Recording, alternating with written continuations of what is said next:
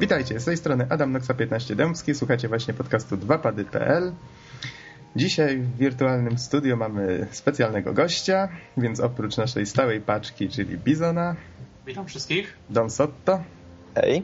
i Geksena, Cześć. jest z nami jeszcze Deshirej. Cześć, cześć, witam. Cześć i czołem panowie. Desiree, skąd się wziąłeś? Przeleciałem. w naszych skromnych progach. Przyleciałem z odległej galaktyki, akurat jestem przejazdem, wiesz? O, no to w takim razie tym, tym bardziej witamy gościa z odległej galaktyki. Y, Pomożesz nam tu dzisiaj bardzo ważny temat poruszyć, mianowicie RPG, czyli granatnika przeciwpancernego, który jest indywidualną lub zespołową bronią strzelecką piechoty, bla bla bla. Nie ta, nie ta kartka. Tak, chyba, chyba tak. Okej, okej.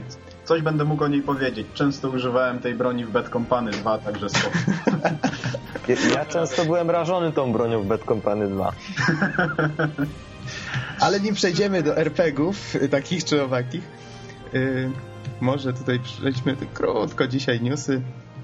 Y, Jeden najważniejszy chyba ostatnio się okazało, że Sony wygrało w końcu tą batalię z LG, tak? I trz- 300 tysięcy PS trójek, dobrze? 300 E, tak. tysięcy? E, Decyzją, decyzją sądu do czasu wyjaśnienia tej sprawy e, sąd nakazał konfiskatę wszystkich konsol Sony PlayStation 3, które, wylądow- które, były, które były sprowadzane do holenderskich portów w celu, celu mm, sprzedaży na rynku europejskim.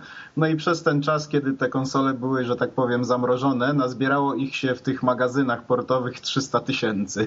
Rany, o kurde. No, ale ja się nie dziwię, to była faktycznie taka walka na wyniszczenie. Tak taka jest. Cieka ciekawostka jest taka, że Sony dogadało się z LG chyba na dzień po tym, jak to dostało zezwolenie na konfiskatę konsol, które już zostały kupione. Dobrze mówię?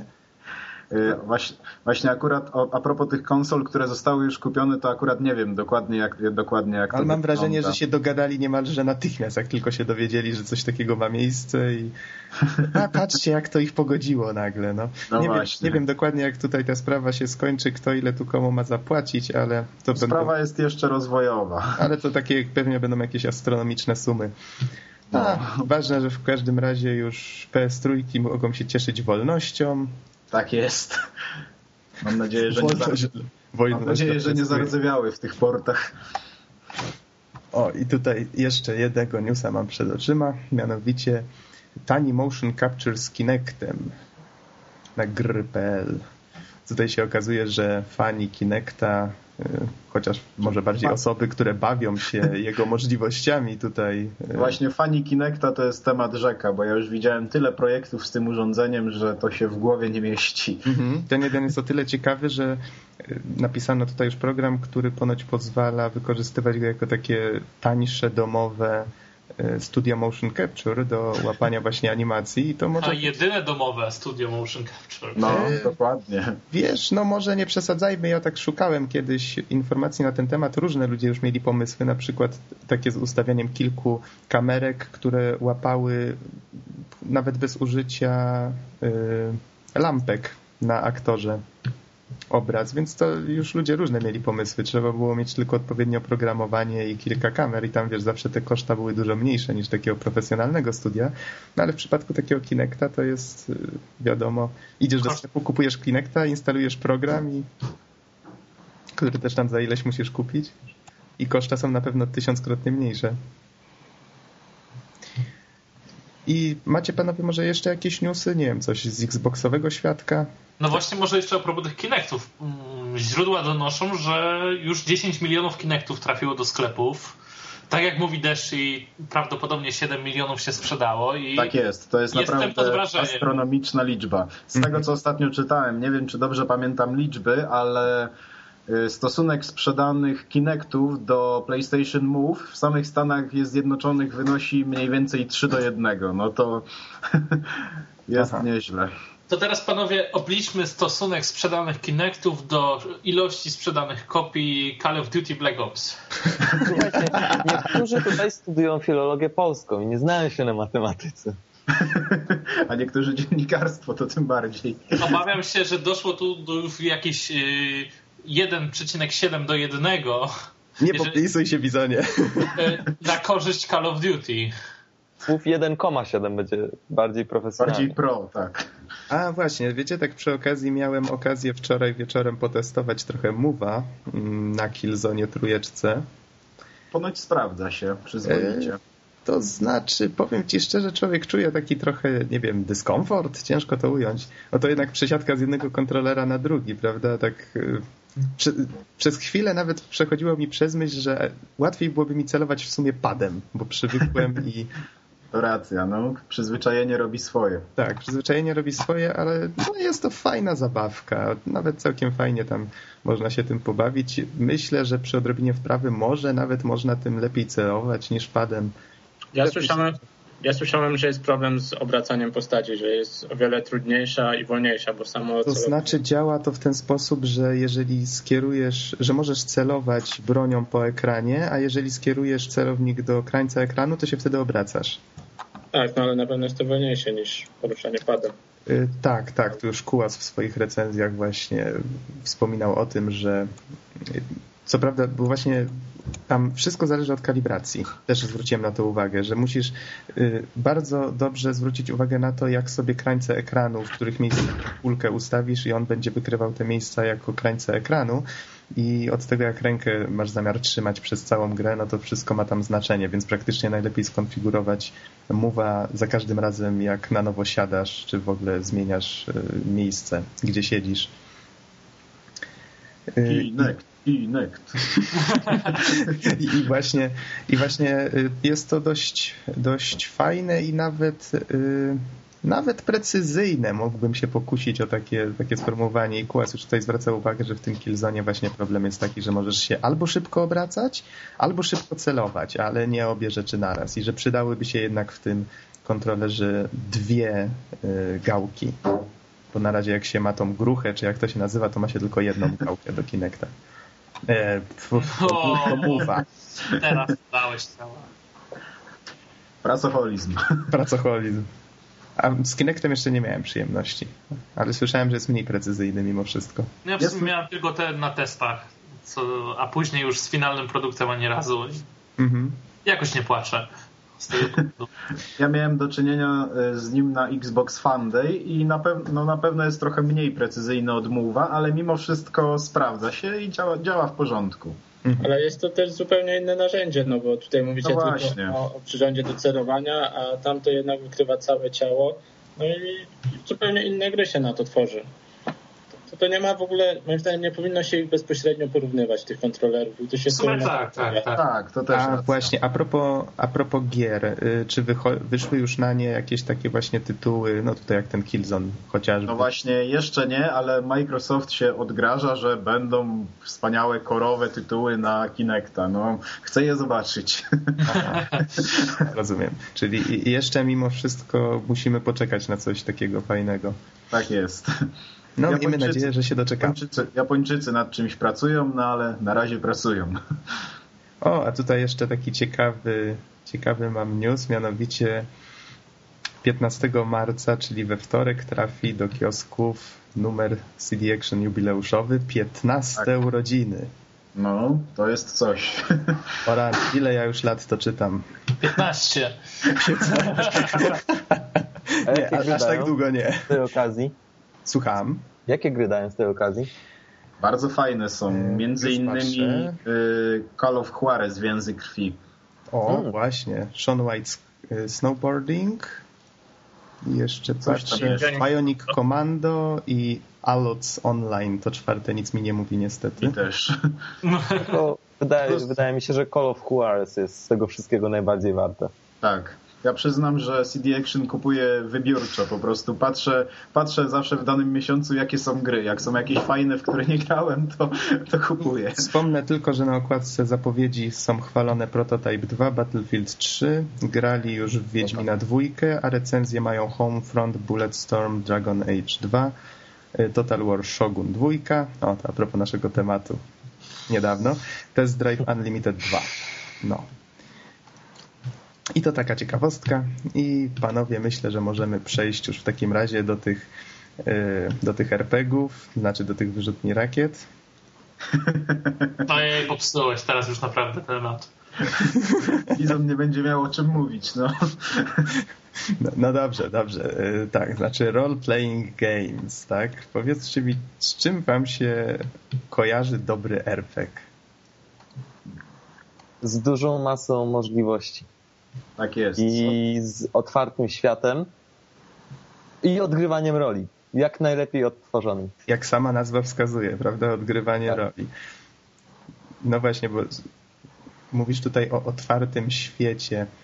Powiedzcie mi może po kolei, jakie były takie mm, pierwsze RPG, w jakie żeście grali? Czy były właśnie w nich te elementy? Czy co wam się wbiło w pamięć? Na pierwszym miejscu zdecydowanie y, test trójka, czyli, czyli o podtytule Morrowind. Piękna, nieśmiertelna gra, w którą, którą po prostu zjadłem. I wracałem do niej kilkanaście razy. Morrowind to mnie zjadł. A- Ja Ale też. Na dwie zimy spędziłem przy nim ca- całe takie dwie pod rząd. Ja już nie pamiętam dokładnie, ale... A, a jakiś taki najstarszy, jaki kojarzycie, w jaki żeście grali? Najstarszy to myślę, że nikt z was tu mnie nie pobije. Ha. No. Explore, Explore 1998 rok. O, I to jest... y, Nie było na świecie. Na pewno większość słuchaczy, tam, tam część słuchaczy może nie kojarzy tej gry, ale to jest y, coś w deseń Diablo 1, y, z tym, że trochę starsze i o wiele bardziej pikselowate. Y, No i cóż, gra toczy się w świecie podobny do średniowiecza, około roku tysiącznego i główny bohater, Scott McBride, postanawia przeszkodzić złemu czarodziejowi Garkhamowi. E, I to jest mniej więcej fabuła Garkhamowi i y, Garkham. Ale z niego tak. ham. no Ciemny, tak. ciemny ham? E, I to jest e, właśnie dosyć ciekawa gra pod tym względem, że jest w pełnym trójwymiarze. Tam nie ma, e, nie ma takiego czegoś jak na przykład w Might and Magic w wielu grach było, że po prostu przeciwnicy byli chodzącymi teksturami, tylko wszystko jest w pełnym trójwymiarze. Obraz jest w izometrii, można go obracać o 360 stopni Mhm. i naprawdę robiło to wielkie wrażenie. I teraz nawet na mnie teraz osobiście robi na mnie to wrażenie. Świat nie jest do końca otwarty, jest podzielony na obszary, po których możemy się poruszać i po prostu między tymi obszarami swobodnie przechodzić, a kiedy tam zrobimy wszystkie questy, to możemy się przenieść do drugiego poziomu, który też zawiera jakieś 6-7 obszarów. To jest całkiem, całkiem fajnie zorganizowany. A no właśnie, właśnie, bo tutaj y, powiedziałeś, że ta gra jest z którego? 90 czy 88? 98 rok. A, ju- już tak się zastanawiałem, czy 88. Musieliby mieć jakąś technologię z NASA, żeby zrobić grę w 3D. I Ja powiem wam jeszcze, że 4 lata szukałem tej gry Mhm. i tej gry nie da się już odpalić na współczesnych komputerach, tylko fani zrobili modyfikację, dzięki której właśnie możemy ją uruchomić na XP-ku i Windowsie 7. Także Mhm. Wielki szacunek dla tych ludzi. No to tak, to właśnie tutaj zazwyczaj fani właśnie muszą działać w takich przypadkach. No albo ten nasz GOG, ten, ten ta Tak. polska inicjatywa CD Projektu, oni tam też działają, żeby to wszystko miało ręce i nogi na Windowsie 7 i pozostałych Windowsach nowszych. A, a skoro, może skoro jesteśmy przy, tak już przy tych starych RPG-ach, to... No właśnie, jaki, jaki pamiętasz taki najstarszy, powiedz Norbert? Znaczy ja też właśnie Morrowind, ale wcześniej może byłoby warto wrócić do tych właśnie starszych i tak przejść po kolei. Podobno Adam grałeś w Baldur's Gate'a swojego czasu sporo. E, Tak, właśnie chciałem powiedzieć, że to był pierwszy chyba RPG taki z prawdziwego, z prawdziwego zdarzenia, a może nawet i pierwszy, w jakiego grałem, bo to pamiętam będzie- jeszcze...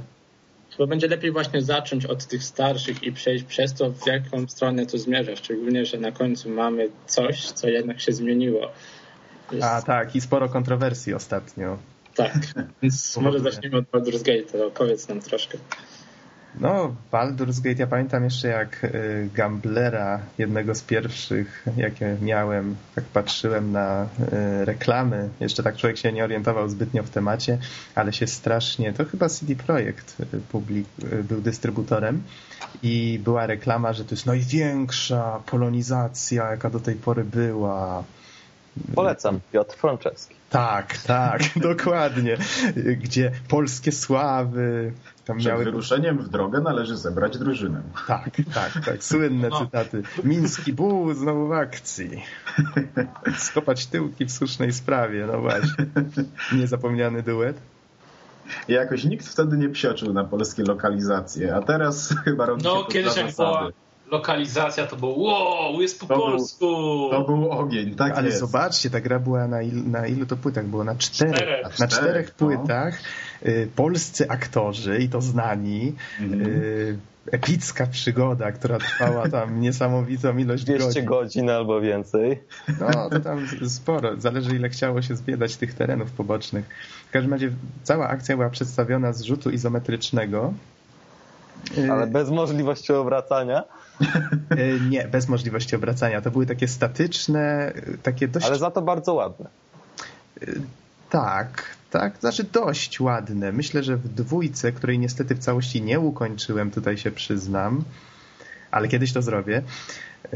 W dwójce dużo ładniejsze były te tereny. W każdym razie w jedynce, no widać było, że one takie trochę były, wiecie, zwłaszcza te takie otwarte tereny, były takie trochę puste. Ale było ich dość sporo z kolei.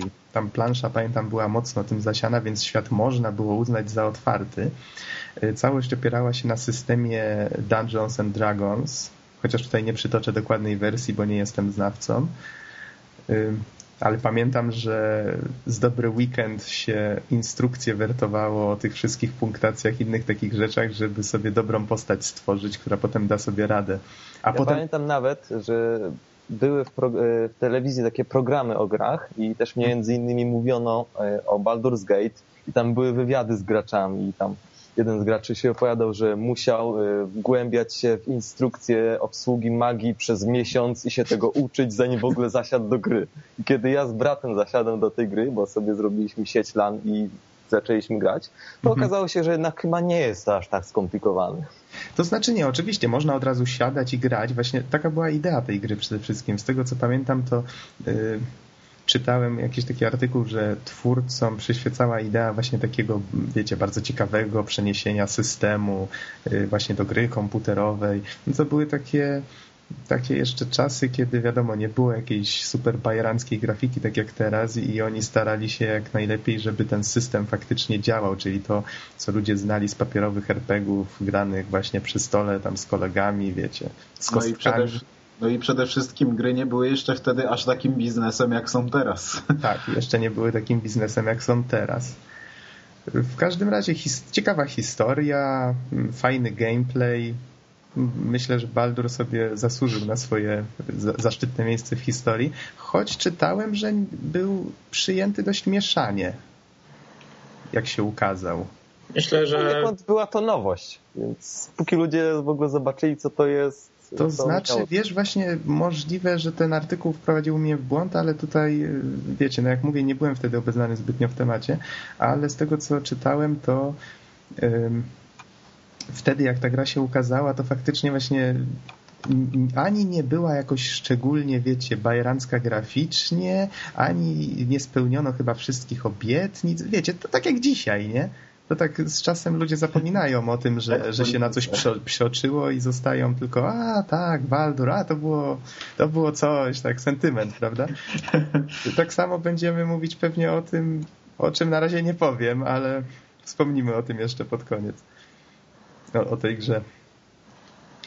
To może Bizonie powiedz, y, czy ty grałeś w jakiegoś RPGa lata temu?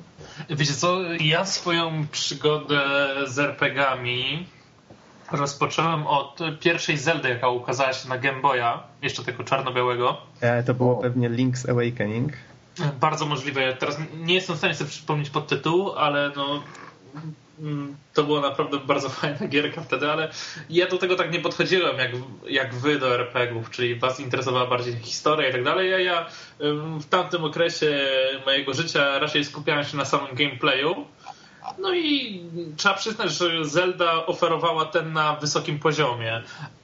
Mhm. No ale jak wiadomo, to jest takie bardziej zręcznościowe RPG, tak?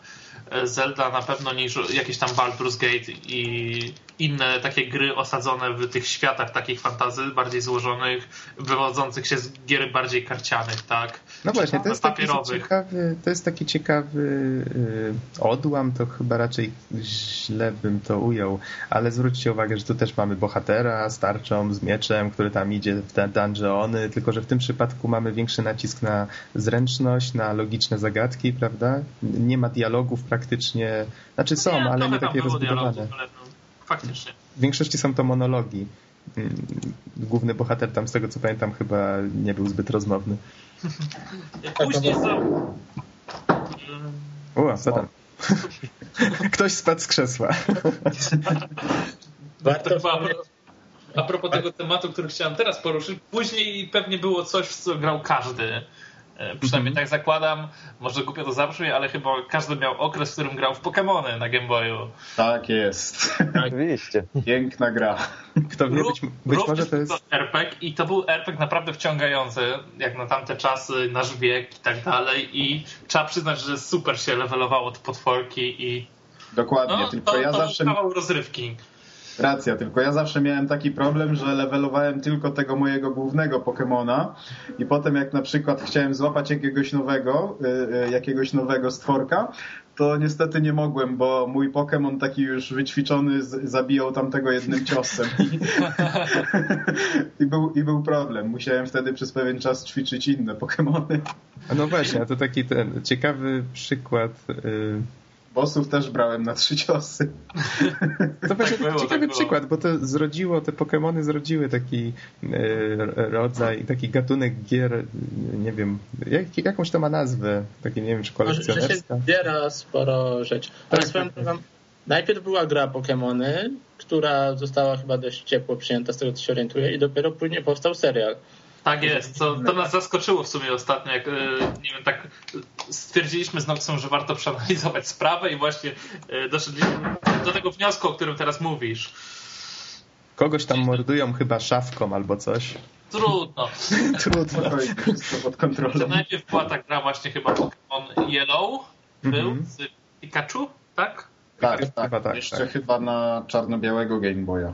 Tak, mhm. i później, później właśnie e, pojawił później się... było Silver i chyba... Nie, nie, broń Boże, potem Film było Red i... potem Red i Blue. Tak, a, Red i tak, Blue. przepraszam. A potem Green jeszcze.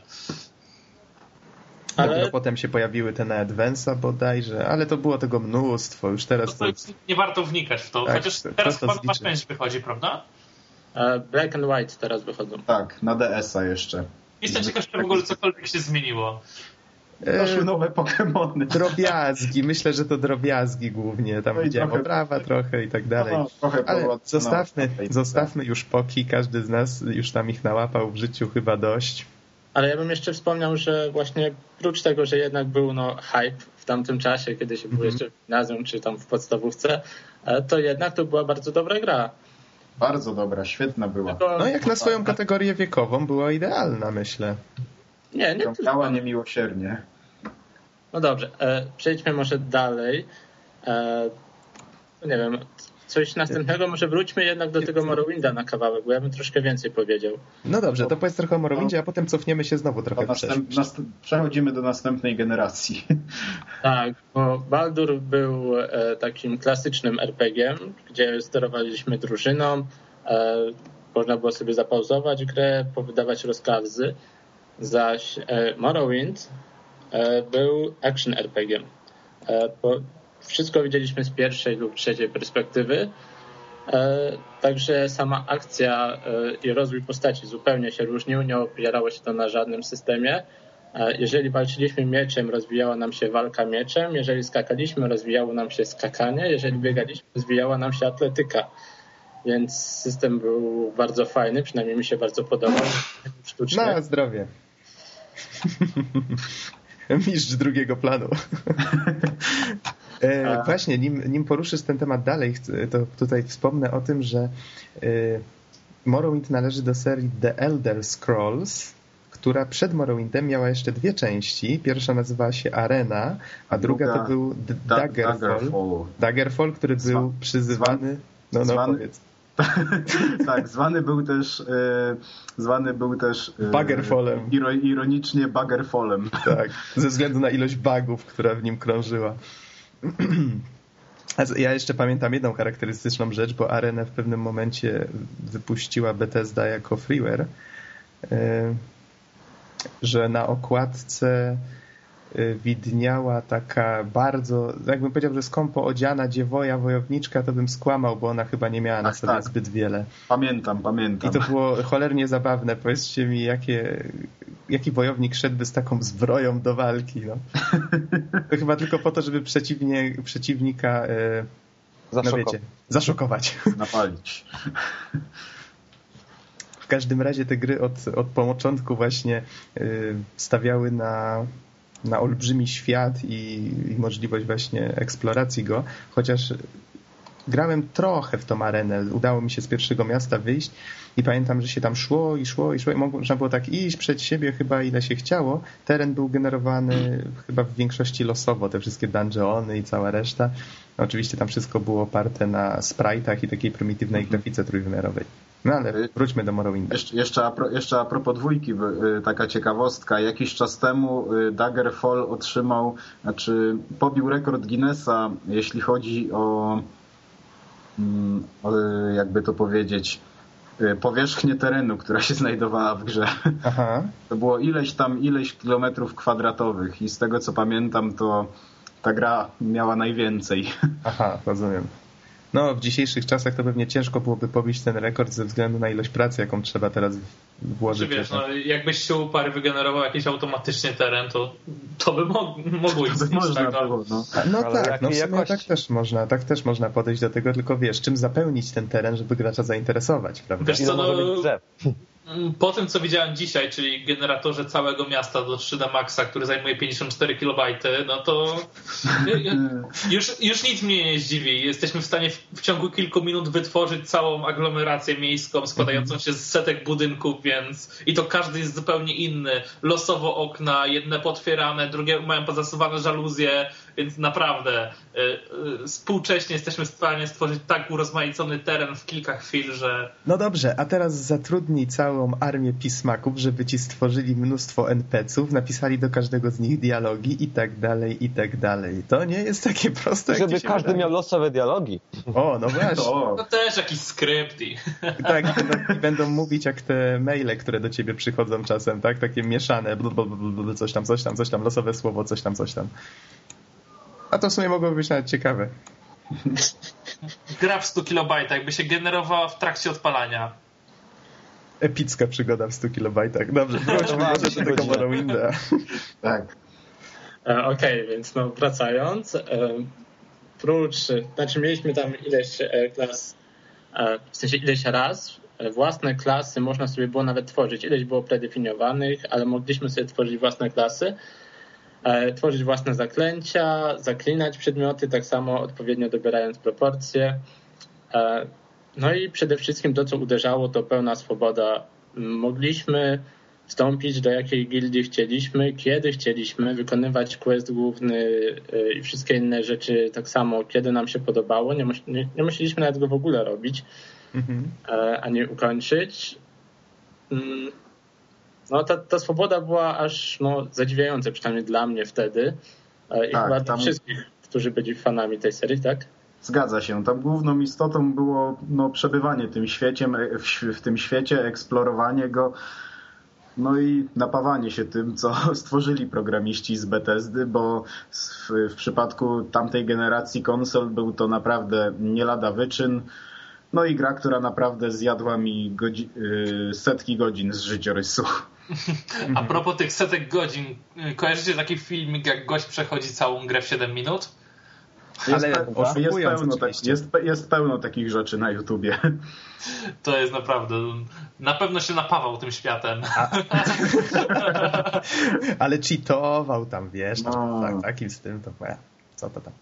Ale Ale swoją drogą to do gry został dołączony edytor, który umożliwia tworzenie i dodawanie do świata wykreowanego własne modyfikacje. a no właśnie. E, Mody tak te jest. mogą dodać nowe przedmioty, NPC, rasy, mogą zmieniać dowolne elementy gry, czyli tekstury budynków, roślin, NPC-ów Ja do dzisiaj I obecnie w internecie można znaleźć tysiące pluginów. Niektóre puścił sam producent z gry, ale większość to dzieła fanów. Ja do dzisiaj, pamiętam, do dzisiaj pamiętam taki jeden, mianowicie, który dodawał zamek z Castlevanii na wybrzeżu wyspy. O, A, Co prawda nigdy nie miałem okazji go przejść, ale pamiętam, że istnieje taki. A ja grałem w ten dodatek. Nie pamiętam, czy go przeszedłem, ale był fajny i był trudny. Tam te potwory były troszkę silniejsze. A warto też wspomnieć o tym, że właśnie, aby móc eksplorować cały świat w dowolnym momencie, e, po prostu potwory nie były na sztywno ustawiane, że w tym miejscu stoi taki, a taki potwór, tylko e, one się, nie wiem, jakoś losowo generowały, a ich poziom, e, w sensie trudności, że to tak nazwę, ich poziom siły, e, był dobierany do naszej postaci w zależności od tego, na jakim poziomie trudności graliśmy. Wiadomo, jeżeli graliśmy na wyższym, no to wtedy mm, no, te potwory były silniejsze odpowiednio. To już tutaj mówiliśmy o tym ostatnio, ale Bethesda to od samego początku oni kombinowali właśnie z tą losowością tutaj o tej areny, aż to, po... to, się zgadza, tylko, to się zgadza, tylko niekiedy to rodziło bardzo zabawne, bardzo zabawne y, zdarzenia. Na Mhm. przykład słyszałem o takich przypadkach już w Oblivionie, jeśli mogę na chwilę przeskoczyć, to dochodziło do takich rzeczy, że gdy, byli, gdy byliśmy już bardzo mocno wylewelowaną postacią, tam tysięczny level i tak dalej, sam najlepszy, sam najlepszy sprzęt w grze, to zdarzało się tak, że jak wracaliśmy do jakichś początkowych lokacji, to na przykład w jakimś, w jakimś tam małym obozie tam y, bandytów y, była grupka, była grupka można, można, mo, mogłoby się wydawać jakichś tam obszczymurków, którzy mieli, y, którzy mieli ekwipunek, którzy mieli naprawdę epicki ekwipunek i pełne płytówki, najlepsze miecze i tak dalej. A to chyba nawet, nawet podobny ten z, chyba przytoczyłem poprzednio. Ale tak, tak, też o tym słyszałem. Także, także to był miecz o obosiecznym ostrzu, ale z tego co Mhm. słyszałem y, już w Skyrimie Bethesda ma to jakoś lepiej wyważyć. Tak, właśnie Morrowind, po Morrowindzie wyszedł Oblivion i teraz czekamy na Skyrima, tak? E- Strasznie, strasznie jestem najarany, nie mogę się doczekać. Ale w takim razie zostawmy może już tą Bethesdę w spokoju. Nie E, no, BTS to jest świetne, tak? No, trzeba pamiętać, że wypuścili też inne RPG, może nie tak bardzo e, złożonym światem, przynajmniej nie w takiej tematyce, ale musicie pamiętać o choćby ostatnich Falloutach, tak? Dla mnie to jest taki mój ulubiony rodzaj RPGów. A no słusznie. To znaczy, wiesz, jeżeli już mówimy o RPG-ach jako całość, to myślę, że dużą niesprawiedliwością jest zaczynać od trójki. I myślę, że wiele osób by się To obraziło. fakt. Mhm. Jest bardzo dużo nerdów pierwszych dwóch części, którzy, mogli, którzy mogliby nas zjeść. Właśnie, Mogli panowie... wyłączyć podcast w tym momencie. Nie, nie, nie, broń Boże. Panowie, powiedzcie, Przewincie 20 minut później. kto, kto z was y, ukończył jedynkę i dwójkę, albo którąś z tych części? Ja dwójkę ukończyłem. Ja tylko Tactics. Tylko Tactics? Ja przyznam się, że grałem w jedynkę, dwójkę i Tacticsa. Niestety żadnej części nie ukończyłem, ale muszę przyznać, że, że otwartość świata i wolność, wolność działań naprawdę porażała. Ja grałem w jedynkę, znaczy przeszedłem jedynkę, grałem troszeczkę w dwójkę i dość sporo w trójkę, ale jej nie skończyłem ostatecznie.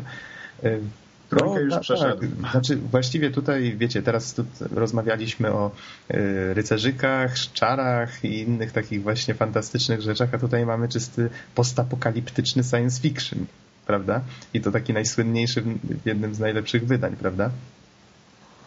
A swoją drogą Interplay jeszcze istnieje? Mm, A Istnieje, tak, tak, ale tak, bo oni robią tego Fallout Online. I tak, ale tak wiesz, To jest długa historia. to jest długa historia i trochę ledwo zipią, bo Bethesda im tam ostro przyszpila A właśnie, po- powiedzcie może, nim przejdziemy właśnie do tej trójki robionej przez Bethesdę, co wam się podobało właśnie w Falloutie? Tak już pomijając właśnie te fantastyczne te... Przede, przede wszystkim klimat tego takiego postapokaliptycznego dzikiego zachodu i bardzo dużo, bar, bardzo dużo zabawnych gagów, na które można było natrafić eksplorując świat gry. Chociażby, chociażby ro- rozbity statek kosmitów. A tak, bo tam podróżowanie polegało na tym, że mieliśmy mapę świata, na której mieliśmy konkretne lokacje i podróż, Tak. podróż Podczas była pokazywana do kreseczkami. Mhm. Tak, Tak. mog- mogło się coś zdarzyć lub nie. Tak.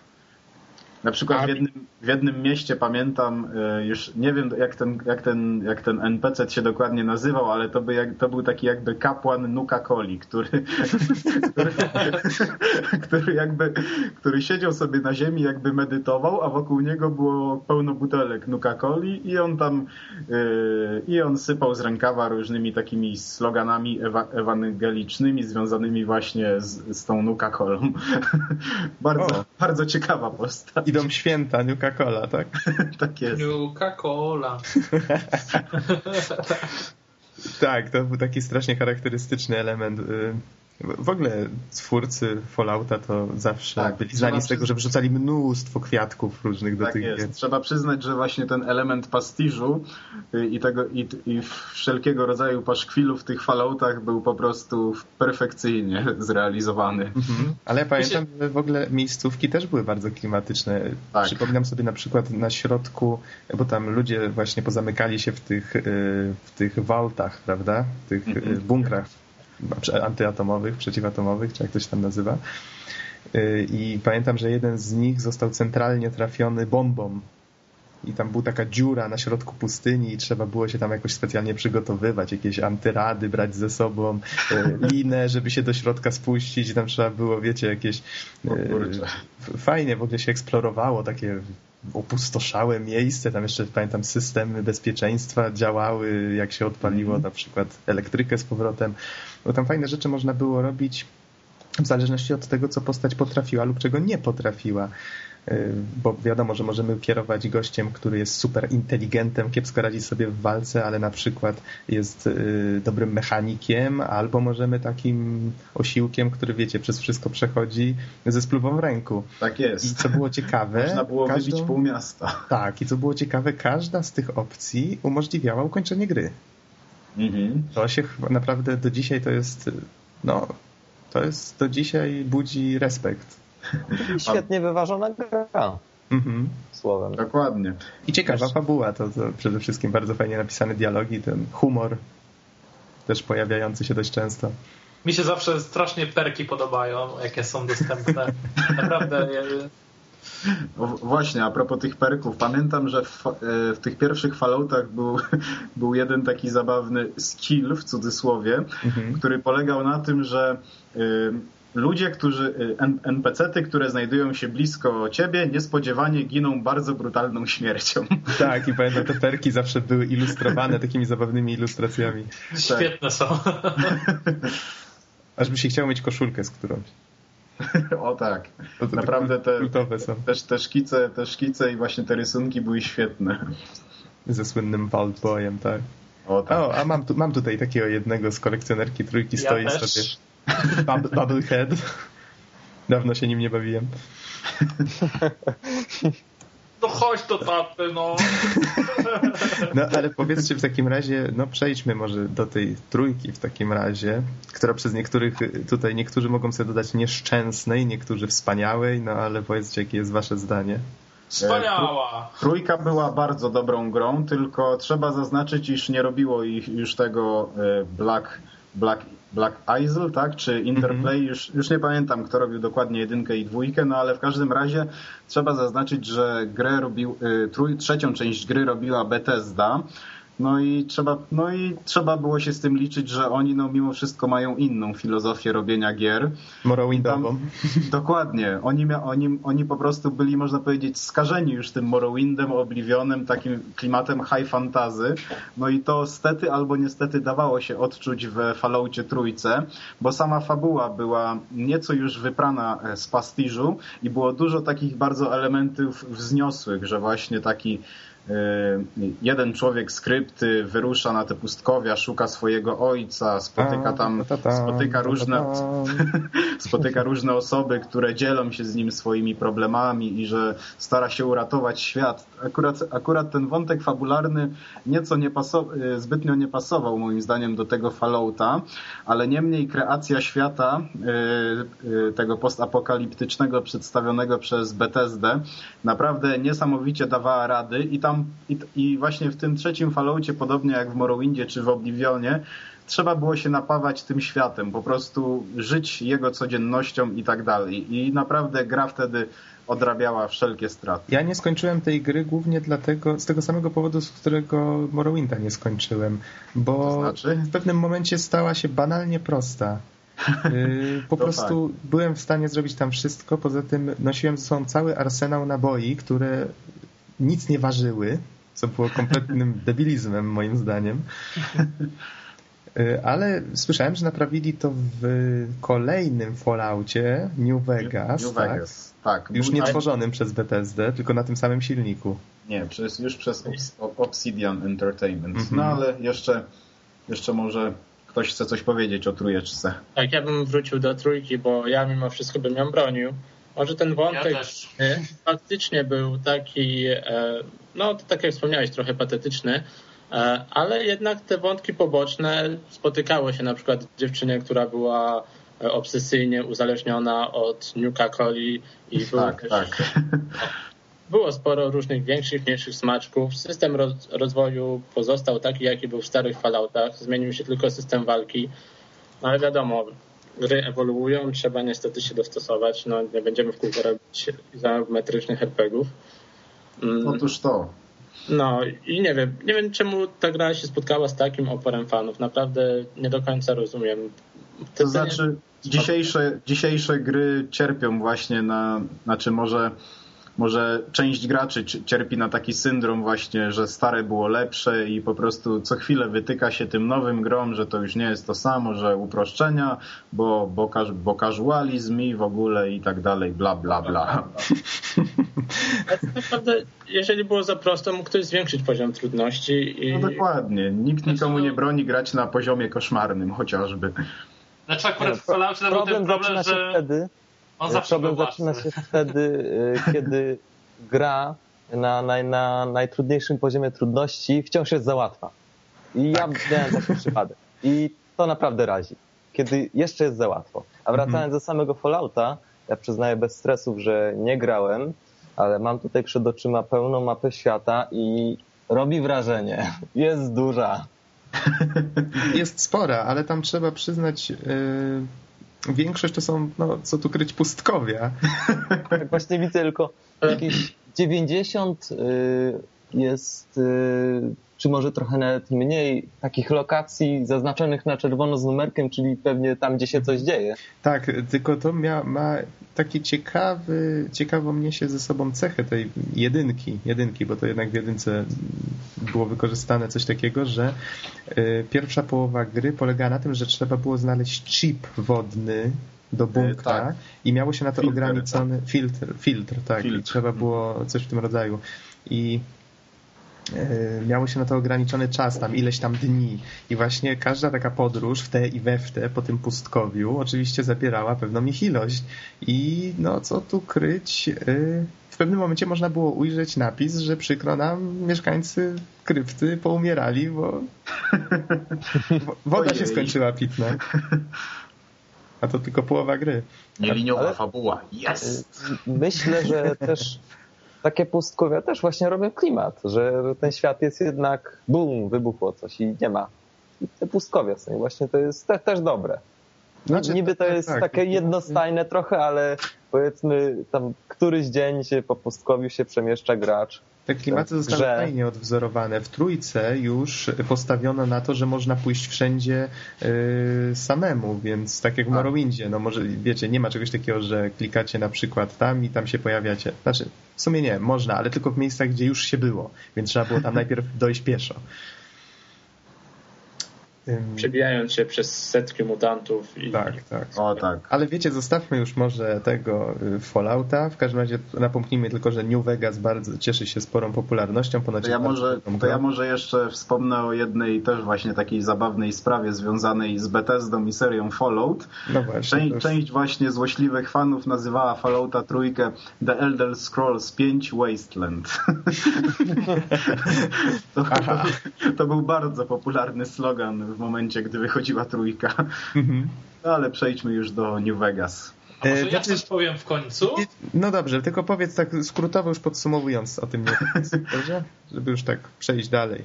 Nie, ja chciałem tylko powiedzieć, że dla mnie generalnie Fallout trzeci jest y, najlepszym RPG, w jaki grałem w tej generacji i będę się tego trzymał. Mimo wszystko. I jeszcze bardzo Proszę podobała mi się polonizacja tej gry u nas. Z świetnie. Poczekaj, jak ma ten gość? Z Big Cyca chyba podkładał w radiu. Mm, E, nie, nie Kazik. zaraz. Wiesz, nie, nie jestem w stanie ci powiedzieć. Dobra, Tak, każdy- szczerze mówiąc, nie Każdy wie, każdy wie o kogo chodzi. i Tak, świetnie, tak, tak. Świetnie wy, wypadł jako ten prezenter radiowy i mi się bardzo podobało. No. To fakt, to była taka perełka. Super, ukończyłem grę e, wielokrotnie, zobaczyłem wszystkie zakończenia. No i jedyny wąt, jaki miałem właśnie do tego, że po zakończeniu nie dało się jakby kontynuować przygody. Tak, to, to, była, to była spora bolączka. Chyba największy minus e, całej Ale zostało to naprawione w DLC którymś, z tego co się orientuję. A Broken Steel możliwe. A właśnie, to jest kolejny błąd. Nie ma DLC do polskiej wersji. Nie wiem, ja, ja grałem w... Game Komu to zawdzięczamy? Tak się tylko zapytam. Cenega? Okej, Chociaż, szczerze mówiąc, chociaż szczerze mówiąc, te dodatki już się ukazały w wersji, w wersji płytowej. Tak, Także- da- dali radę. No to tak. Tak, tak. Wyszły na Xboxa w końcu? Tak, wyszły, są do kupienia w wersji płytowej, w polskiej wersji. Co prawda, co prawda z napisami chyba tylko, no ale działają z podstawką, także no... To Dobrze. poczekajcie, ja znikam na chwilę. O, odkupili winę, dobrze.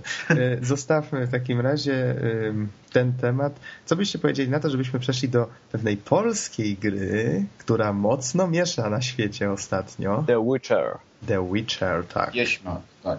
Tak, na To nie podstawie grał ten prozy Tromba. Sa- na podstawie prozy Sapkowskiego. Kto przeszedł Wiedźmina? Ja. Ja nie.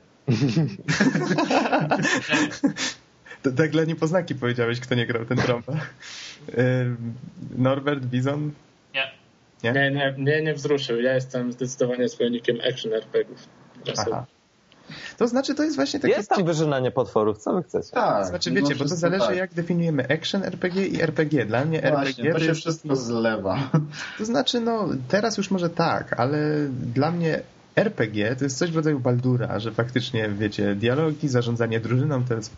A action RPG to jest taki, gdzie kierujemy jedną postacią i każdy nasz ruch niejako na klawiaturze e, jest odzwierciedlany przez postać, tak jak niejako w Demon's Souls. Z drugiej strony y, w Wiedźminie mamy jedną postać i poruszanie się klawiaturą, ale z drugiej strony nie mamy y, na przykład przycisk myszą to atak, tylko musimy kliknąć na przeciwnika i to jest też to tak jakbyśmy mieli jednoosobową drużynę. Zwłaszcza, że autorzy zrobili także widok taktyczny z góry, co też mi troszeczkę się nie widzi. To nawiązuje właśnie na przykład do Baldur's Gate. Tu trzeba od razu powiedzieć, że jest tak jak mówisz, że nasze niejako ataki nie są bezpośrednio odwzorowane, ale ta gra w ciekawy sposób, zauważ, łączy właśnie taki action RPG z RPG, bo są aż trzy możliwe widoki. Tak, trzy możliwe, trzy możliwości widoku Ustawienia kamery, tak. Można od góry właśnie izometrycznie, można sobie, jeżeli ktoś lubi w niebo, sobie popatrzeć, a właśnie, nie powiedziałem, jak mi się niebo nocą w Morrowindzie podobało.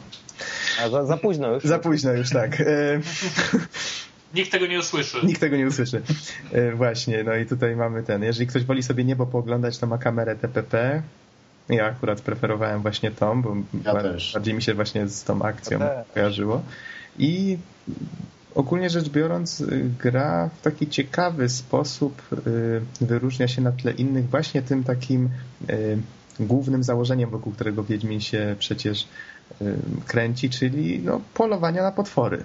Jakby na to nie patrzeć. Nie jest to takie typowe polowanie jak w innych tych, że ruszamy z drużyną, prawda, i sieczemy po prostu co się na, nawinie, tylko na przykład odbieramy zlec- zlecenie od jakichś tam wieśniaków, czy od kogoś w, w opałach i na przykład idziemy na bagna, u- utuc utopce, prawda?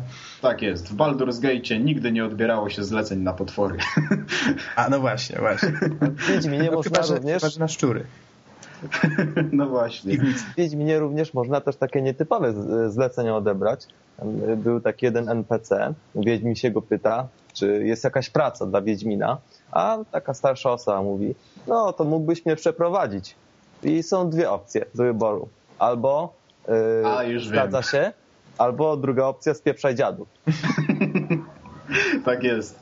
Jeszcze nie, nie chciałbym zbytnio spoilerować, ale ta właśnie osoba okazuje się w późniejszym etapie gry y, kanibalem.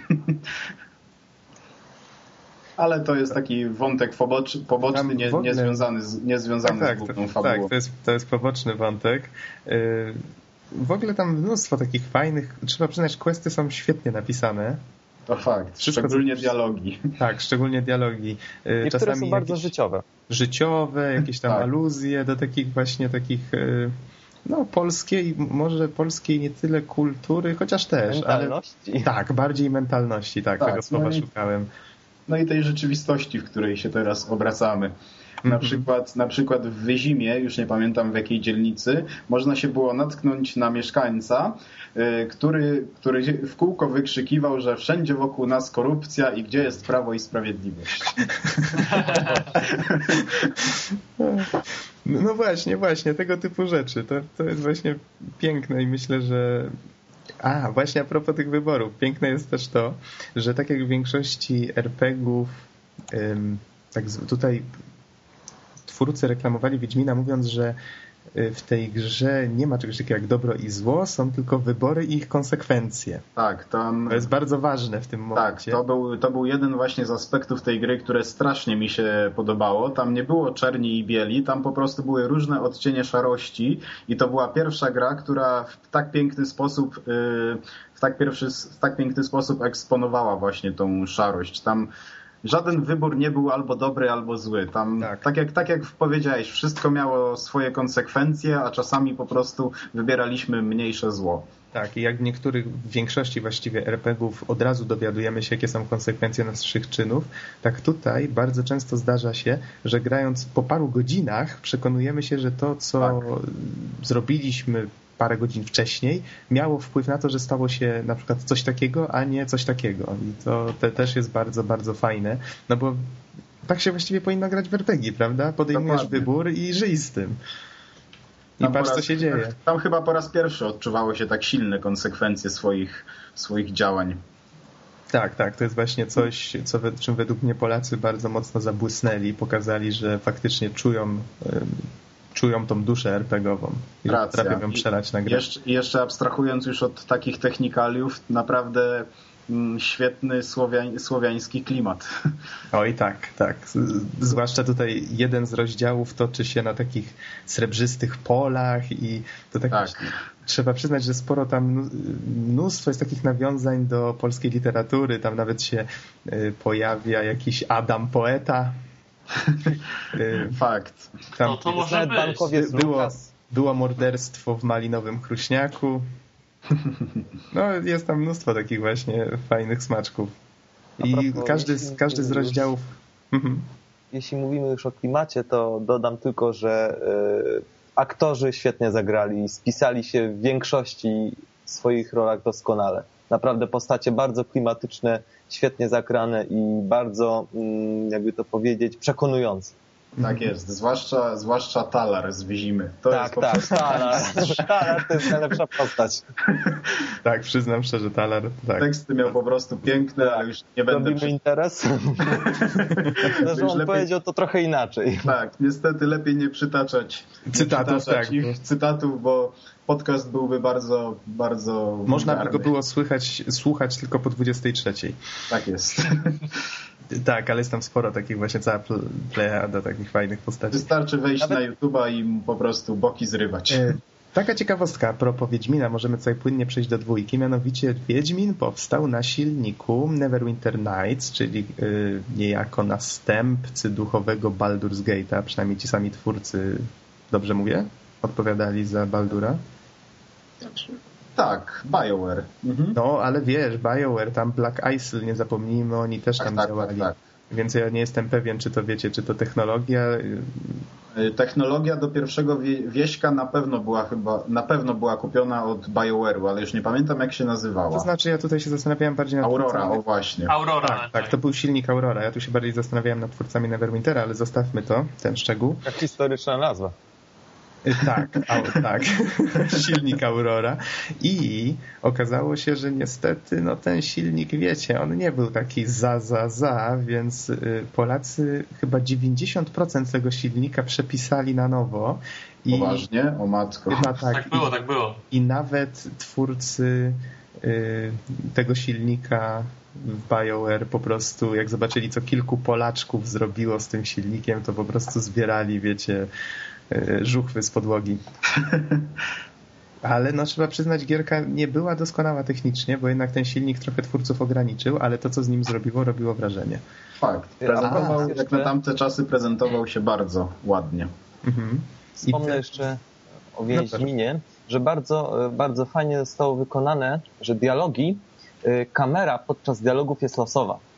Że, że pokazuje z różnych, z różnych perspektyw różne ujęcia i one są dobierane w sposób losowy i to jest bardzo fajnie wykonane, dlatego że tak, tak naprawdę żaden dialog nie wygląda tak samo, ale niesie to ze sobą też pewne ryzyko, że na przykład inna postać w tle nam zasłoni rozmówców. I też miałem Czasami tak, zdarzało się coś takiego. Ale w każdym razie przejdźmy tu może płynnie do dwójki, bo teraz sytuacja się już odmieniła. Wiedźmin odniósł sukces, sprzedał się powyżej miliona egzemplarzy. A półtora była... miliona egzemplarzy. Półtora tak. miliona już? A no to zobacz. I to jest tylko gra pecetowa. No właśnie, tylko pod... właśnie. Wspomnieliśmy, yy, wspomnieliśmy, że mamy w Polsce zdolnych programistów i dlaczego do wuja Wacława ta gra nie może wyjść również jednocześnie na konsolach? E, mówisz już o dwójce czy o jedynce? Tak. Yy, a, no, bo właśnie już, z jedynką już, wiąże się już, pominimy, już pominimy ten fail w przypadku jedynki. Ta, ta historia z jedynką to się toczyła właśnie, ona miała zostać wydana potem w takiej wersji zremasterowanej na nowej technologii tworzonej przez Francuzów, ale z tego co mi wiadomo, był tam jakiś problem z tym, że. E, tak, z Francuzami. Z Francuzami, tak. tak, z Francuzami był problem, CD oczywiście. Projekt, CD Projekt zarzucał Francuzom, że oni nie wywiązują się z terminów, a, a potem również Francuzi odbijali tę piłeczkę i mówili, że CD Projekt coś tam nie płaci. Znaczy to... pierwszą, pierwsza strona to Francuzi zareagowali, ale się okazało, że po prostu od nich odszedł ktoś, kto współtworzył tą technologię i ta osoba posiadała większość potrzebnej wiedzy i tam ci reszta zespołu nim zdążyli, wiecie, zacząć się wyrabiać z terminami, to już było za późno i CD Projekt przestał im płacić, bo tam ci przestali się wyrabiać i potem się, wiecie, pokłócili. No. I tak się to posypało. Może jednak przejdźmy do, do dwójki. Tak, przejdźmy jednak do dwójki, to jest melodia przeszłości już. Y, teraz dwójeczka jest stworzona na zupełnie, nowej, na zupełnie nowym silniku, stworzonym przez twórców. Tak, napisanym nowa autorska technologia. Tak, specjalnie napisana pod RPG. Więc... No i trzeba przyznać, że robi naprawdę kolosalne wrażenie, tylko Naprawdę, no na, na pewno gra będzie się prezentować wyśmienicie na dobrych PC-tach, tylko jestem ciekaw, jak, czy uda się go, w, znaczy jak będzie wyglądać w przyszłości na konsolach. Czy uda się go jakoś tak fajnie zoptymalizować i osiągnąć podobną jakość jeszcze na jeszcze na obecnej generacji sprzętu. Osobiście jestem prawie pewien, że twórcy tworzą tę grę jednocześnie na konsolę i na PC-ta. To jest tylko kwestia marketingowa, czy oni to wypuszczą, czy nie. Moim zdaniem, moim zdaniem też. Na przykład na wielu, na wielu gameplayach y, przedpremierowych, podczas pierwszych prezentacji gier, dało się zauważyć, że pracownik CD Projekt Red gra, grał na padzie od Xboxa. No właśnie, właśnie. Po prostu y, już nie tyle, że już nie tyle widząc samego pada, ale po prostu na samym ekranie były, były oznaczenia takie właśnie z, y, takie jak w padzie od Xboxa, czyli Y, X, A, B i tak to znaczy, dalej. wiecie, to jeszcze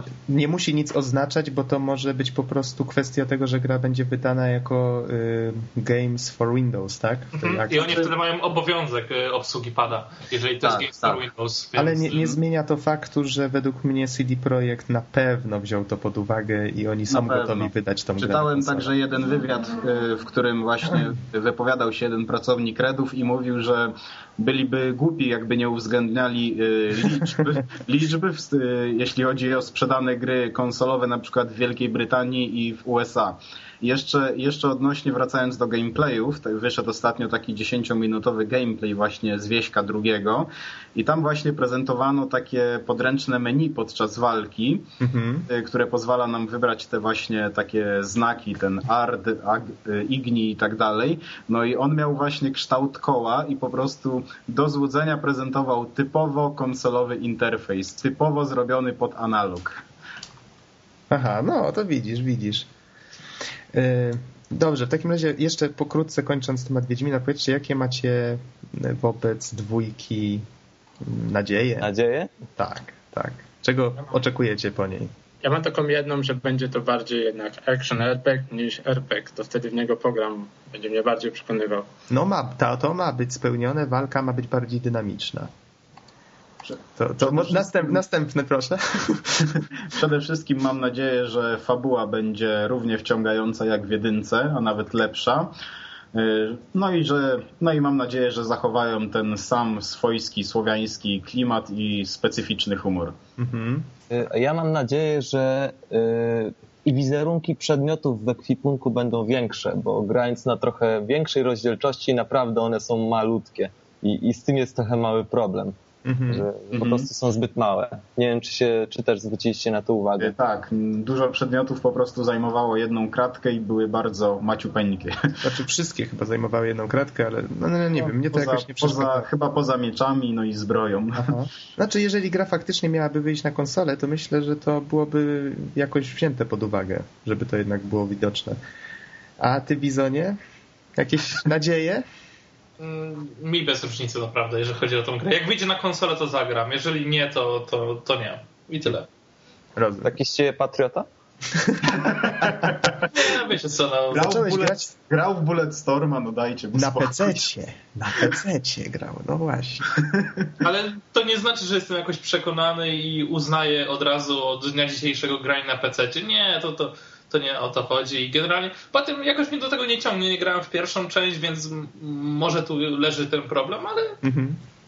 Mogę ci pożyczyć. Nie, nie, jest, nie jestem napalony na to i więc jak wyjdzie na konsolę, to pewnie bym sprawdził, a tak to chyba gdzieś tam pójdzie bokiem. Okej, okay. dobrze panowie.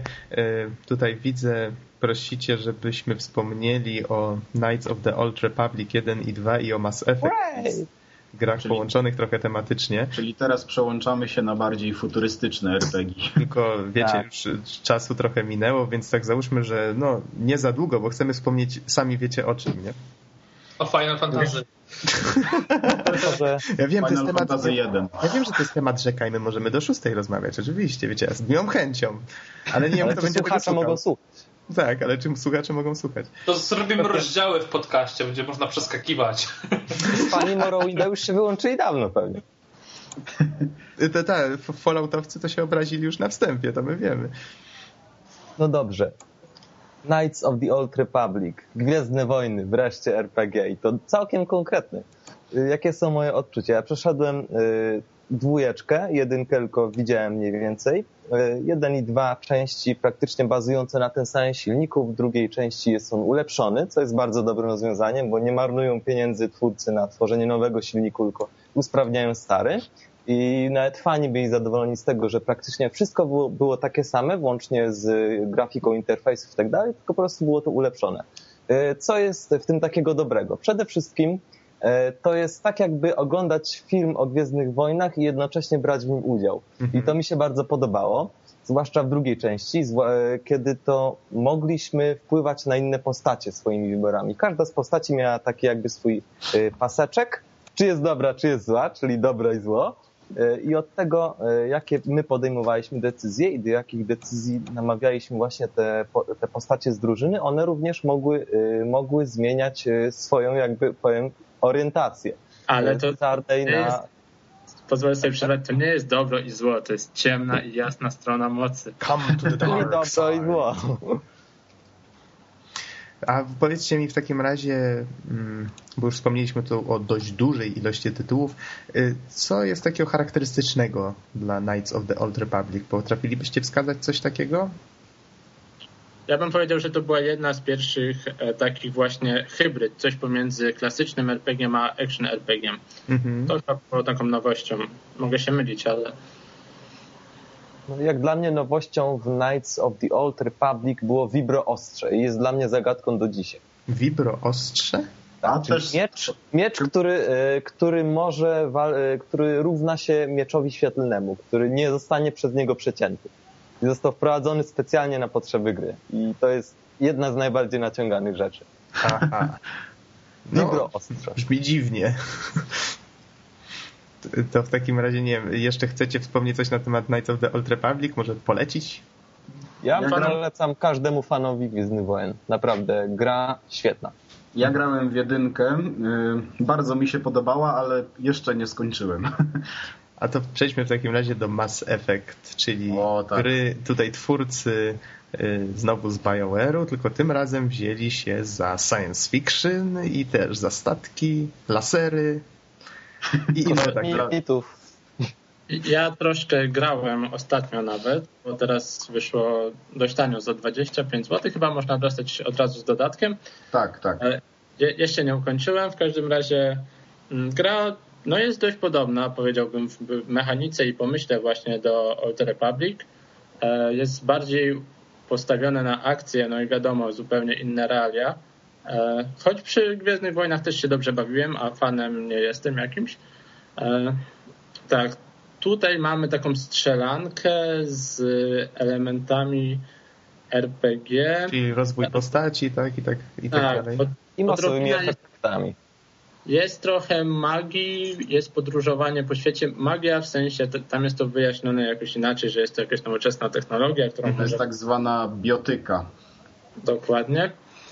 Mm, No, no i gra się bardzo przyjemnie, jest zdecydowanie bardziej postawione na akcję i dzięki temu e, te przebijając się przez te dialogi w między, w międzyczasie mamy tak samo troszkę takiej bardziej żywej rozrywki i bardzo fajnie się w to wtedy gra. Mhm. Ja już tutaj wtrącę, że pod koniec roku Mass Effect stanie się trylogią.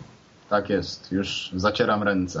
Ja, ja tutaj co prawda napalam się od jakiegoś czasu, żeby w końcu tę jedynkę przejść, ale... Zagraj, zagraj koniecznie. Mhm. Seria naprawdę zasługuje na to, y, na, to, żeby, na to, żeby ją poznać, gdyż BioWare wykreowało naprawdę świetne, świetne uniwersum, y, świetne futurystyczne uniwersum, które spokojnie może, może dorównywać Gwiezdnym Wojnom. No i myślę, że jest to jedna z ważniejszych serii w tej, w tej generacji konsol, no i nie, nie tak tym byłoby ją przeoczyć. Dodajmy do tego naprawdę, naprawdę ciekawe postaci, z którymi przyjdzie nam się spotkać podczas naszych Gwiezdnych Wojaży. No i, na, no i naprawdę wci- wciąg, wciągającą i dość i w miarę nie- nie- niesztampową fabułę. Mhm. Mhm. No, A- czyli a- ogólnie a rzecz dwóje- biorąc a polecacie. dwójeczka- Tak, tak jest. A dwójeczka bije na głowę jedynkę, także to już, to już, od, razu, to już od razu mówię i mam nadzieję, że trójka, trójka również mm, podniesie wysoko poprzeczkę. Myślę, że- nie wiem czy podzielacie moje zdanie, że możemy już przejść tutaj do najnowszego dziecka BioWare'u. Ja bym jeszcze wspomniał No dobrze, proszę. o Mountain Blade, gdyż jest to tak samo action RPG, tylko e, jesteśmy tam w podstawce, może warto to też zaznaczyć. Jesteśmy rycerzem, który sobie podróżuje po świecie, zbiera swoją armię. E, same bitwy zaś troszkę przypominają, bym powiedział, też Total War'a, ponieważ e, jesteśmy tam tą swoją główną postacią, e, jednak na polu bitwy może być, e, tutaj mogę się mylić, nie wiem, 100 do 200 jednostek, którymi sterujemy, no i sami także uczestniczymy w walce, siekając mieczami, Mhm. uczniami i tak dalej. Jest to bardzo fajnie zrobione. E, I co jest jeszcze fajne, e, fani stworzyli e, sporo dodatków, między innymi taki, na który ja bardzo zwróciłem uwagę, gdyż był bardzo fajnie wykonany, to z Gwiezdnych Wojen, gdzie zamiast zwykłych, zamiast bycia śre- średniowiecznym rycerzem, jesteśmy Jedi, który zbiera swoje oddziały, lata statkiem po galaktyce, no i możemy w ten sposób toczyć fajne bitwy całkiem, będąc Jedi, mając przy sobie, nie wiem, albo Jedi, albo w albo kogo chcemy. No i takie bitwy po 200 jednostek, gdzie my także uczestniczymy w tej bitwie, siekamy mieczem, używamy mocy, rzucamy mieczem świetnym, co tam chcemy. Jakby na to nie patrzeć, jest to bardzo fajna hybryda, bo to tak ni, ni to strategia, ni to RPG, ale mimo wszystko odgrywamy tutaj pewną rolę, rozwijamy postać, zdobywamy zamki, prawda? Dokładnie, właśnie bardzo fajne, bardzo godne polecenia, przynajmniej ja grafika tutaj kuleje, ale ja przy samej gierce spędziłem, nie wiem, około 200 godzin łącznie grając we wszystkie mody, gdyż są też jakieś mody oprócz średniowiecznych, są jakieś prehistoria, gdzie walczymy z mamutami, jakieś W studzie zrobią wszystko. e, nie wiem, jakieś właśnie czasy renesansu, gdzie strzelamy jakimiś strzelbami, Mhm. No zresztą ostatnio było wydane Ogniem i Mieczem właśnie w tych czasach. E, tak jest. Tak naprawdę mod, który niewiele wnosił, a jednak ten się sprzedał jakoś. No dobrze, no, no i możemy przejść chyba do głównego tematu, czyli... Nie, nie, nie, panowie, skoro... Oh, już wziąłem głęboki oddech. Skoro action RPG, to musi być, muszą być trzy słowa o Dark Messiah of Might and Magic. To jest gra, która widok z pierwszej osoby łączy w sobie elementy zręcznościowe rodem z Tomb Raidera i elementy walki rodem z jakiejś y, na przykład Jedi Academy, z tego typu gier. Mamy prosty rozwój postaci, y, mamy też wybory i sam, sama fabuła jest całkiem interesująca, a zakończenie tym bardziej zaskakujące, więc Nox, nie czekaj długo, tylko weź Dark Messiah ze swojej półki wstydu i ukończ. Tak, moja półka wstydu już się wylewa. Ale właśnie a propos tego Dark Messiah, ta gra, z tego co wiadomo, ona jest taką bardziej liniową grą akcji. Czy na pewno powinno się ją jako RPG tutaj... Ja właśnie, to znaczy, tu można dyskutować, ale przede wszystkim mamy wybory, mhm. y, mamy rozwijanie postaci. I no to takie troszeczkę może mniej RPG, ale mamy te elementy i to jest ba bardzo fajnie skonstruowane, zwłaszcza, że my faktycznie mamy do podjęcia w grze dużo wyborów i, i zakończenia wprawdzie są tylko dwa, ale y, tych wyborów jest bardzo dużo, więc e... to też jest bardzo ciekawy motyw. Nie, nie, właśnie tych... Także rozwój postaci. Ja ukończyłem tą grę i z tego co pamiętam wyborów tam nie było dużo.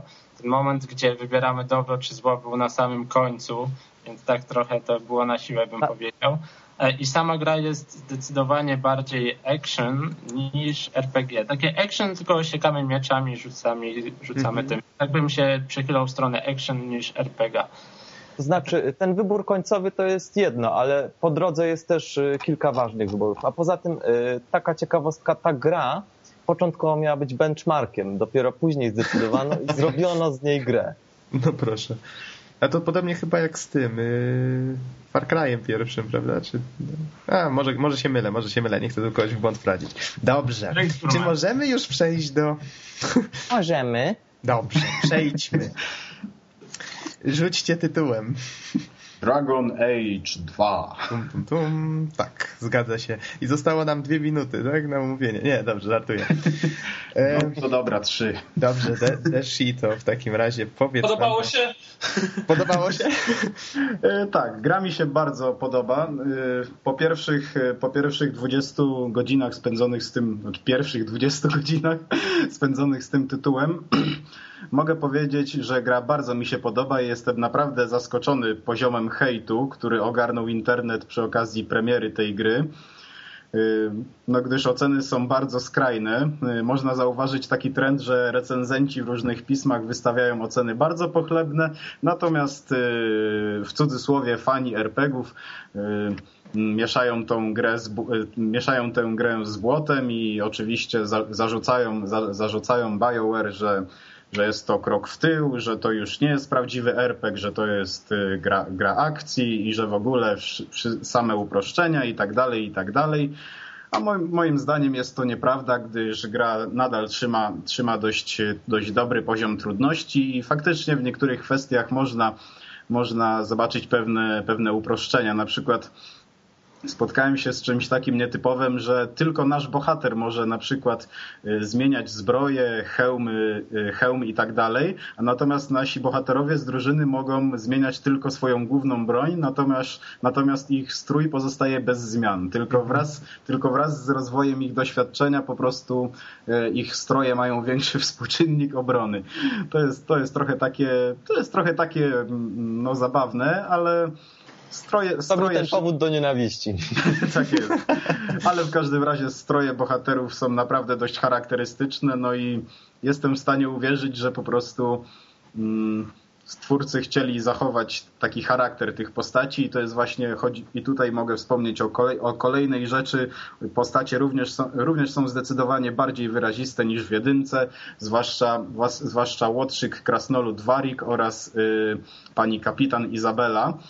I tutaj też warto wspomnieć o angielskim dubbingu, który w ich przypadku ociera się o małe mistrzostwo, gdyż po prostu aktorzy naprawdę dali, dali z siebie wszystko. O ile, o ile głos głównego bohatera czasami może nieco nużyć, o tyle właśnie ten krasnolud i owa pani kapitan nadrabiają, nadrabiają wszystko z nawiązką.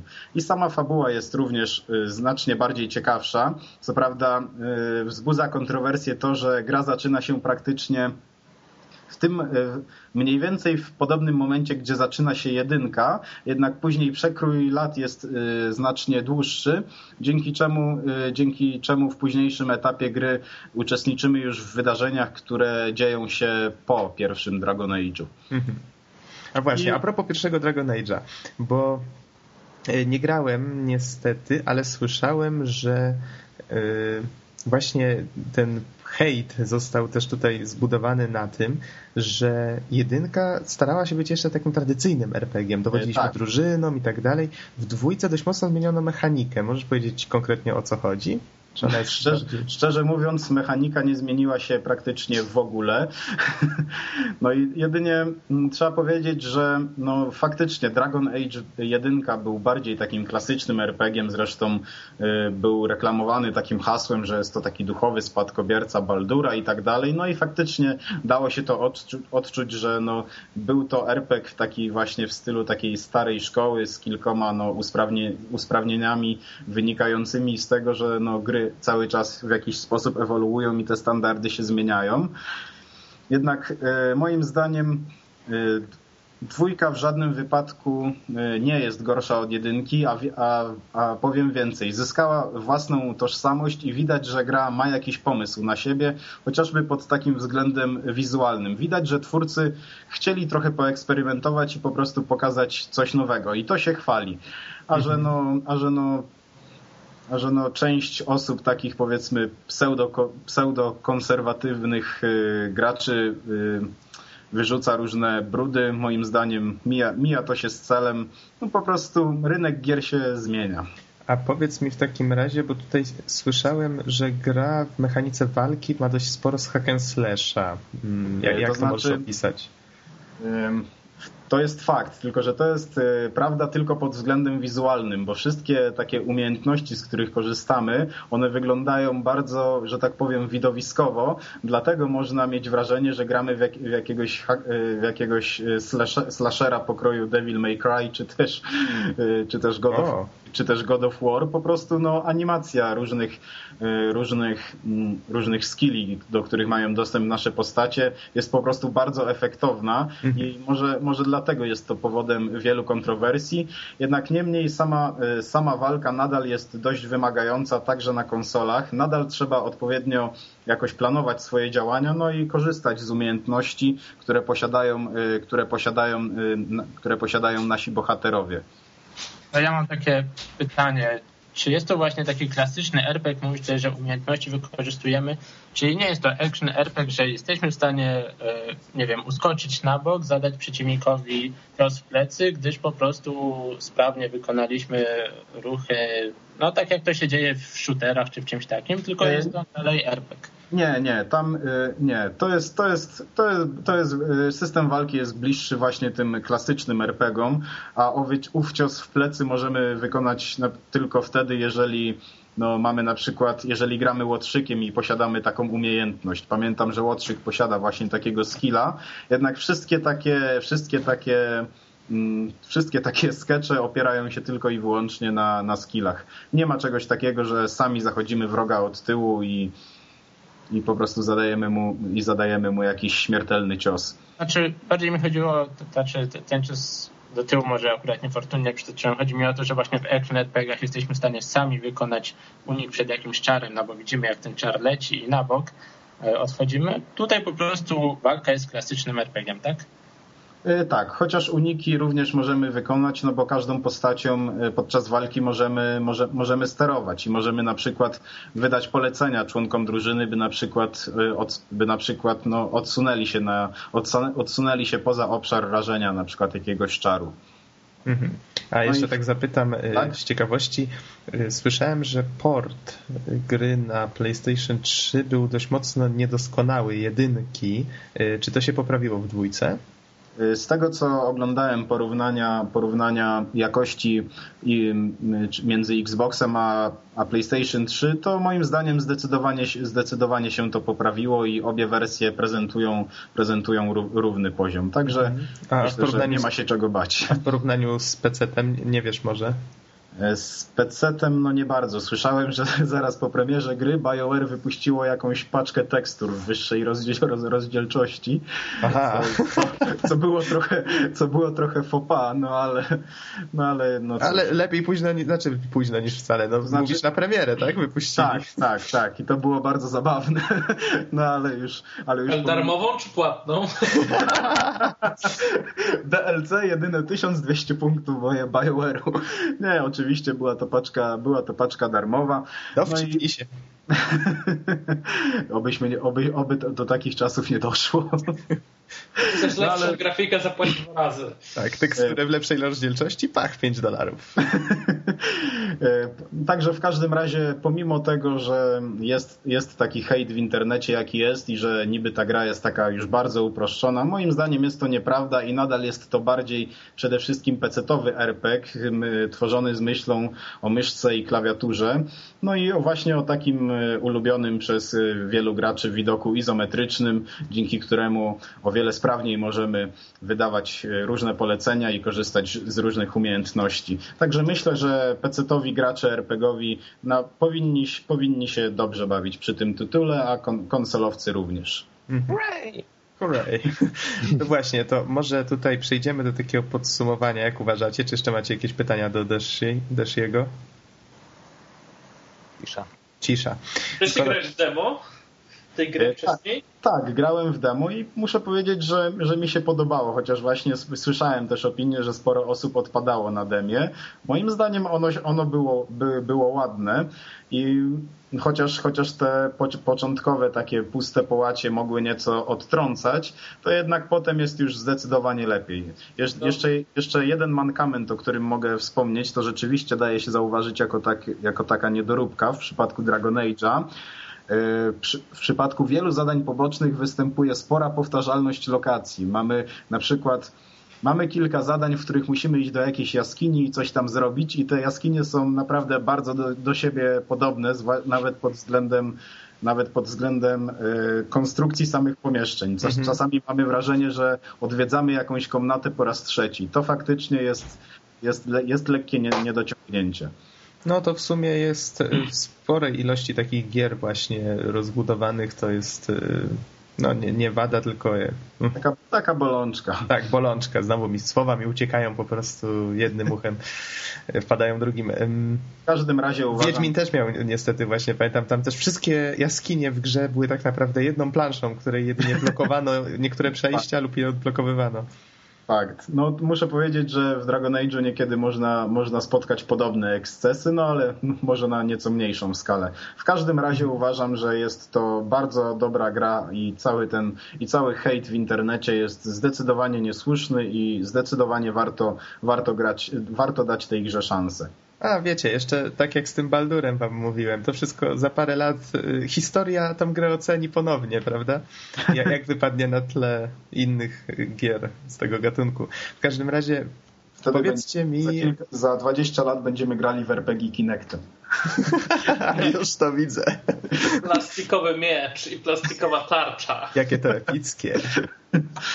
Powiedzcie mi w takim razie, y, może ja zacznę od tego, co wam się najbardziej podoba właśnie w grach z tego gatunku. Dlaczego właśnie y, lubicie sięgać po RPG, a nie na przykład po strzelankę? I tutaj może nie, zacznę pytaniem do Deshiego właśnie, y, bo według mnie fabuła zawsze była tą rozpoznawalną częścią RPGów, bo zawsze sprawiała wrażenie, jakby właśnie w RPGach była najważniejszą częścią. Nie w strzelankach, nie w innych tam, tylko właśnie RPG pozwalały porozmawiać z postaciami, y, wczuć się w klimat, mm, właśnie poznać jakieś tam Dokładnie postacie, tak do których mogliśmy się przywiązać przez tam kilkadziesiąt, bo przecież w te gry gra się bardzo długo. Powiedz mi, czy właśnie Dragon Age 2 pozwala graczowi wczuć się właśnie w ten świat i czy fabuła faktycznie dostarcza jakichś ciekawych wrażeń. E, tak, zdecydowanie tak. E, scenariusz jest zdecydowanie, jest zdecydowanie bardziej dojrzały w stosunku do jedynki, bo w, niestety w przypadku jedynki mieliśmy do czynienia z takim szablonem, że zbliża się wielkie zło już któryś tam raz z kolei, który trzeba, zażegna, który trzeba zażegnać no i po prostu musimy uratować świat i tak dalej. A w, w dwójce jest to, jest, to, jest to ukazane o wiele ciekawiej, nie jest, nie jest jesteśmy, jesteśmy takim, no też mamy trochę taki schemat od zera do bohatera, jednak no, fabuła sama w sobie jest po prostu, jest po prostu ciekawsza i jest, można powiedzieć, jest takim bardzo ciekawym side story, które się przeplata mhm. między jedynką a dwójką i to jest ukazane, ukazane w bardzo fajny sposób. Można powiedzieć, że fabularnie zahacza to trochę o Halo 3 ODST. Też taka poboczna historia, która jednak ma swój jakiś urok. Mhm. Rozumiem. E, no dobrze, to może po kolei. Bizonie, powiedz, co tobie najbardziej się podoba w RPGach. Nie wiem, no, ja szczerze mówiąc nie jestem jakimś wielkim fanem RPG-ów, więc... Łatwe nie... achievementy. A, no achievementy, no to raczej, też coś. Raczej nie. nie, nie. Nie w RPG-ach. To może powiedz, co ci się podobało w tym Falloutie, co cię urzekło takiego? Nie, w Falloutie naprawdę urzekł mnie świat. E, bardzo mi się podoba ten motyw takiego świata e, po, po wybuchach atomowych, tak? Taka mała apokalipsa i klimat był naprawdę fajny, fabuła również i rozbudowanie przede wszystkim tego świata. To chyba właśnie w RPGach e, buduje ten nastrój. To, że te światy zazwyczaj są bardzo rozległe, mają bardzo wiele takich pobocznych rzeczy, które tak naprawdę jakby ich nie było, by nie wpłynęło mm, to w żaden sposób na istnienie tej gry i tak dalej, ale one właśnie tworzą ten obraz tego wszystkiego i, i to właśnie napędza y, granie w RPG. Te smaczki, które możesz, ale nie musisz znaleźć, prawda? Tak, tak. To, że komuś się chce dorabiać jeszcze te milion pobocznych rzeczy, to, to jest piękne w RPGach i, i tego na pewno nie uświadczymy w żadnej innym typie gier. Po mhm. prostu zazwyczaj inny typ gier równa się po prostu przejście liniowe. No, nie ukrywajmy. No dobrze, to w takim razie y, Don Sotto powiedz, co co ty najbardziej lubisz w RPGach? W RPGach, no, może nie będę oryginalny i trochę się po was powtórzę, ale przede wszystkim y, bardzo, bardzo duży ma y, wpływ przywiązanie do postaci, do wyborów i generalnie też właśnie tak jak już to wcześniej powiedziałem z Gwiezdnymi Wojnami bardzo podoba mi się, że, że właśnie akurat ten jeden RPG to jest właśnie tak jak oglądać film o Gwiezdnych Wojnach i równocześnie z nim występować i bardzo, bardzo podobały mi się motywy z różnymi wyborami i tak dalej, ale tutaj też jest taki haczyk, bo z jednej strony, y, z jednej strony tutaj tak troszeczkę ta cała gra, y, ta cała gra wygląda tak, że bohater rozwiązuje problemy tego świata i, i tak jest w wielu RPGach, a z drugiej strony no powiedzmy na przykład jest bardzo dużo y, pobocznych questów, i po prostu nie wszystkich się po prostu chce robić, ale z drugiej strony to tak, takie poczucie, że no, no, no zrób jednak, no ta gra jest po to, żeby zobaczyć, co tutaj jest, tak dalej, a nie tak wszystko pominąć, więc, tak, to tak. też taki obosieczny y, miecz jest, ale myślę, że tak, ja jestem na tak. Trzy razy. Mhm. no, a ty, Geksen? No, ja będę tak samo się troszkę powtarzał, mianowicie wielki świat, w który można się dosłownie zanurzyć. To nie to, że tak jak w strzelankę wchodzimy tam na 4-5 godzinek i uciekamy, e, tylko siedzimy w nim, rozkoszujemy się nim, poznajemy jego aspekty, gdyż nie, nie jest to świat, w jakim obcujemy na co dzień. Tak jak też mamy właśnie powiedzmy strzelanka, zazwyczaj jest to jednak nie wiem, albo jakaś wojna taka typowa. Tam mamy jakieś nowe światy, nowe rasy, nowe prawa, które nim rządzą. E, to jest bardzo fajne. Do tego dochodzi rozwój postaci. No chyba każdy lubi no, pieścić tam swoją postać, patrzeć, jak się rozwija. E, jak Nowy zdobywamy mieczyk. skille, później je wykorzystywać w jakiś ciekawy sposób. Mm, No i ja jednak lubię też, kiedy jest w tych RPGach troszkę akcji. Nie jestem fanem niestety klasycznych RPGów. E, No i, no i kiedy coś się jednak tam dzieje, tak po trochu. Mhm. No, wiecie panowie, to, to jest temat rzeka jednak. Tutaj nie wspomnieliśmy ja, o setkach ja. różnych tytułów. A, a Deshi, przepraszam, pominąłem cię. Bo mówiłeś o Dragon Age'u, to, to, to... Dobrze, po, powiedz, powiedz.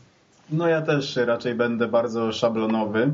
Przede wszystkim e, ciekawy, wciągający, wielowątkowy scenariusz, e, dopasowany do tego e, wiarygodny na swój sposób e, świat, barwne postaci, które mają swój własny, unikalny charakter.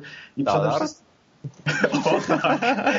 Lepszego przykładu nie, nie, tru, lepszego przykładu trudno szukać, naprawdę.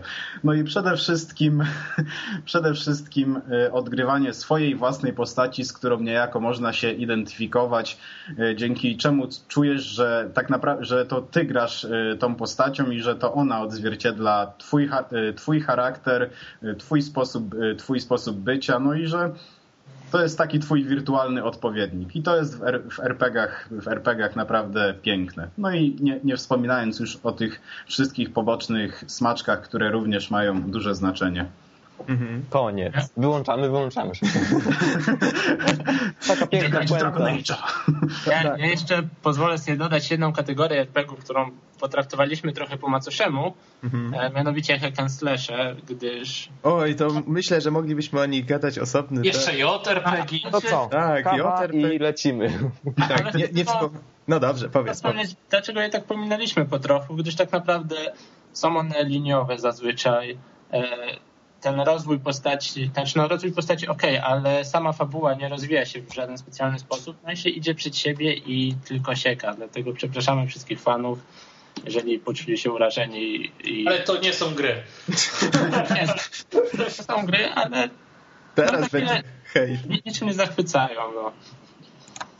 No, Nie, no mów za siebie, Diablo było świetne.